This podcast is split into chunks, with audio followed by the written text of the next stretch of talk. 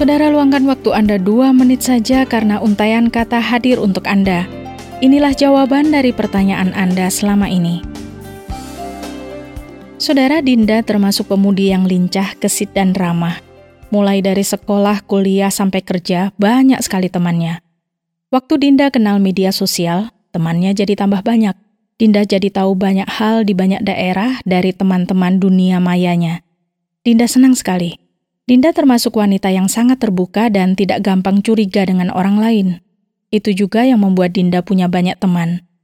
Lewat dunia maya atau media sosialnya, Dinda juga punya banyak motivator, karena ada beberapa teman yang selalu berbagi kalimat-kalimat motivasi.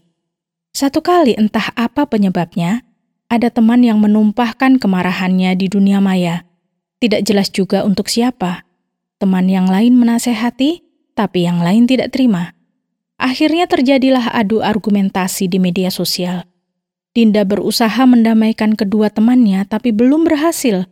Justru hasil akhirnya, kedua temannya saling unfriend, tidak lagi saling berteman. Dinda bingung, bukankah lebih baik punya banyak teman daripada punya musuh?